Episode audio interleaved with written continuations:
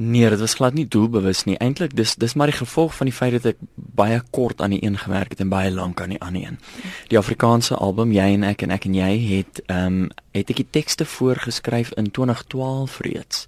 Maar dit het geduur tot verlede jaar voor die melodie begin vir gestalting vind het.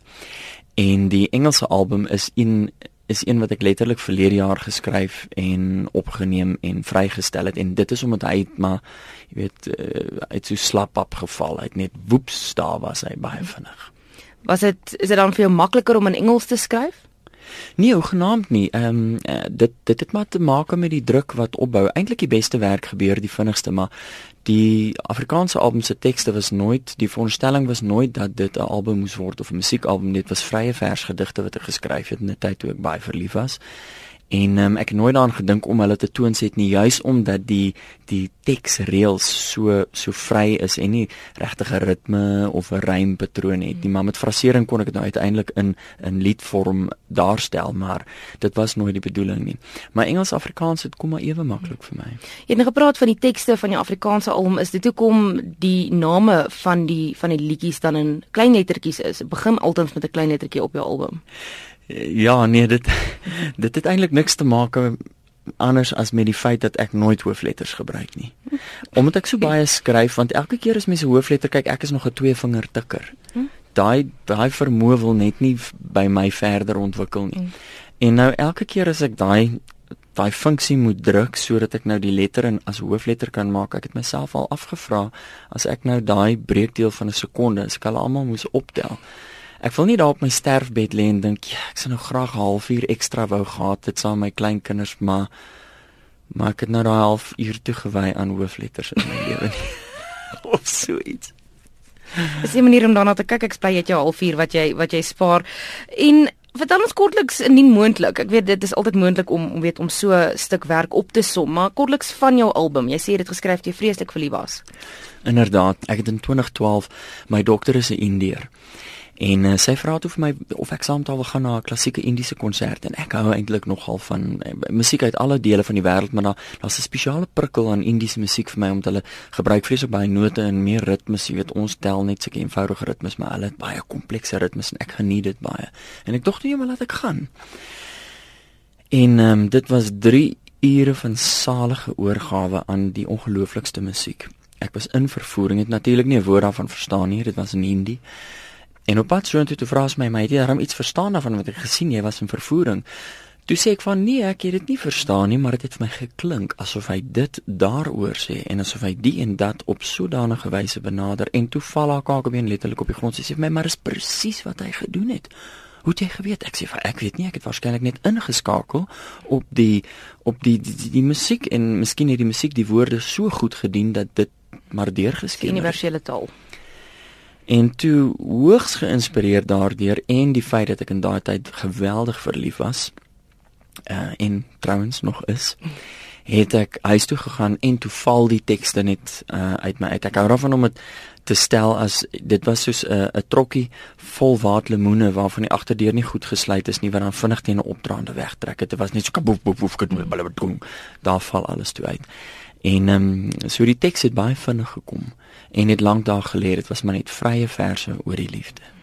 Nou, jy's bekend natuurlik vir jou veelsidigheid as musikant. Jy skryf, jy's natuurlik ook 'n akteur, het al baie baie um werk as 'n uh, akteur gedoen. En jy is baie bekend ook natuurlik vir jou jou stemtoertjies wat jy doen. Jy het 'n jy het 'n 4 oktaaf stem. Ek meen dit is ongelooflik wat jy kan doen. Ek wil net weet wanneer jy hierdie stemmetjies oefen. Oefen jy dit by die huis en jou bure moet seker baie baie daarvan hou. Ek het omtrent 150 konserte per jaar. so ek sou sê ek kry daar genoeg oefening, maar maar om dit daar te kry, ja, my hele lewe lank al speel ek met met uh, met my stem. Ek het in 'n woonstel in Johannesburg groot geword, so ek moes myself vermaak. Ehm um, ek dink dit het daar begin. Ek is nie regtig 'n nabootser van klanke nie. Ek is eerder 'n genereerder van klanke. Ek hou daarvan om nuwe klankies en en die stem is so 'n fascinerende ding wat so baie dinge kan kommunikeer keer ehm um, dit is en en dit is nou die een instrument wat jy nooit as jy by die inter ek dink altyd as ek al deur die internasionale lughawe gaan en ek moet alles verklaar selfs my kitaar want dit is van hout gemaak. Jy weet sekere lande is baie spesifiek daaroor. Jy jy moet dit verklaar omdat dit van 'n natuurlike produk gemaak is. Nou weet ek altyd die die die die gevaarlikste wapen bestaan in die wêreld is een wat ek nou hier deursmokkel en dit is woorde. En die uh die een van die beste stukke gereedskap, die handigste stukke gereedskap in die wêreld wat ek ook hier deur en dis my stem. Ehm um, en en dit gaan ongesiens verby so en ek wil dit tot sy tot sy beste potensiaal dink ek ontwikkel en ook vir mense wys want ek het agtergekom mense reageer baie goed daarop. Hoe sorg jy vir jou stem? Het jy spesifieke goeders wat jy doen om seker te maak dat hierdie instrument wat jy het 'n lang lewe gaan hê? Ek het vreeslik lekker gerook toe ek jonk was en ehm um, maar toe het ek begin gesondheidsprobleme kry daarvan my vel het op een of ander manier uh, gereageer. So ek kan nou nie meer rook nie. So dit is 'n bedekte seën want rook is nie goed vir jou stem nie. Ehm um, ek is mal oor oor drink. Ek syp soos 'n vis, maar dan 'n uh, goudvis want ek kan omtrent net twee slukkies drink dan val ek om. So gelukkig is ek wat dit betref fyn besnaard want ons weet ook alkohol is nie baie goed mm. vir 'n stem nie. So die feit dat ek nie baie van daai goeters kan hê nie.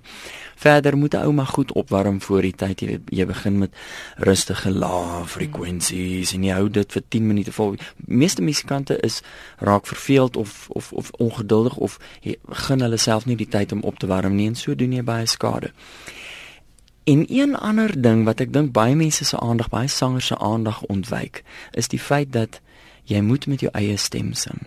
Dit help nie jy is dol oor 'n um, 'n Steve of dan 'n Sting of dan 'n Aretha Franklin of wat ook al en, en jy en jy probeer hulle stemme naboots nie, wat jy eintlik doen is jy vervorm jou stem om die gewenste klank te kry, die klank wat jy jouself voorstel waarin jy jouself indink. Maar daai vervorming eis baie van jou stem.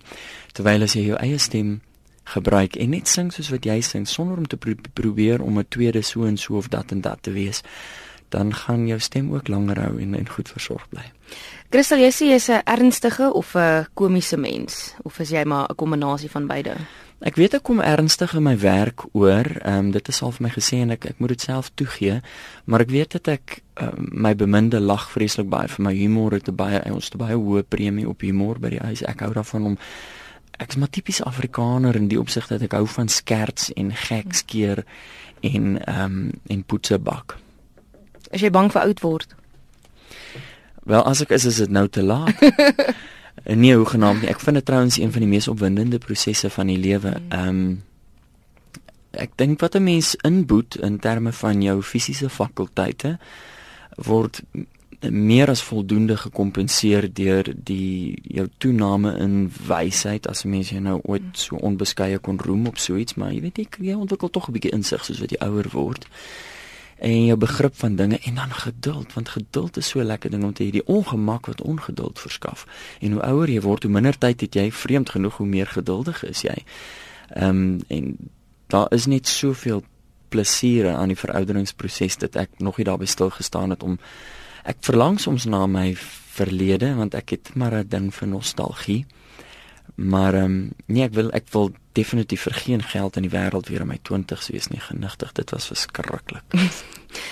Chris, jy het nou hierdie twee albums wat in 'n kort tydjie uit is. Is jy al klaar besig met nuwe materiaal of gaan jy nou net weer gaan jy net fokus op hierdie twee albums en nou die pad vat met hulle en die mense gaan bekendstel aan jou musiek? Ek is besig om te fokus op hierdie albums. Dit is wat mense doen. Ek het verlede jaar het ek Firmament, die Engelse album vrygestel en het hom uh bedien en gedien uh totdat ek nou onlangs jy en ek en ek en jy vrygestel het en nou is my aandag daar.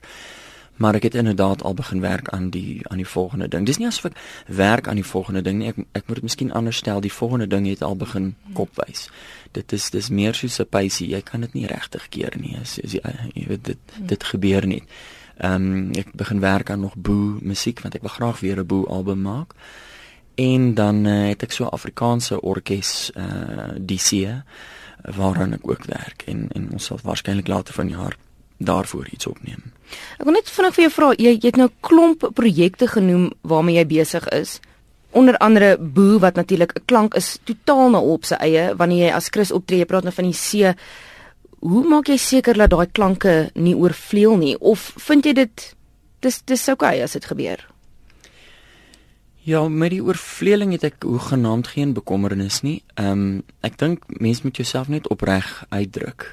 Ehm um, as jy luister na my boerwerk, dit klink glad nie soos uh van my Afrikaanse solo werk nie. Die see uh, waarvan ek vroeër gepraat het, is juis iets wat ek begin het omdat ek 'n behoefte gehad het aan 'n uh, aan 'n ander uitingsvorm in Afrikaans, maar wanneer jy dit onder jou een naam doen, dan is dit geneig om mense soms te verwar. Toe besluit ek stig 'n uh, aparte entiteit daarvoor sodat mense dit makliker kan uh klassifiseer want mense het tog 'n behoefte daaraan om dingetjies in boksies te druk en ek weet ek leen myself nie um gereeld daartoe nie.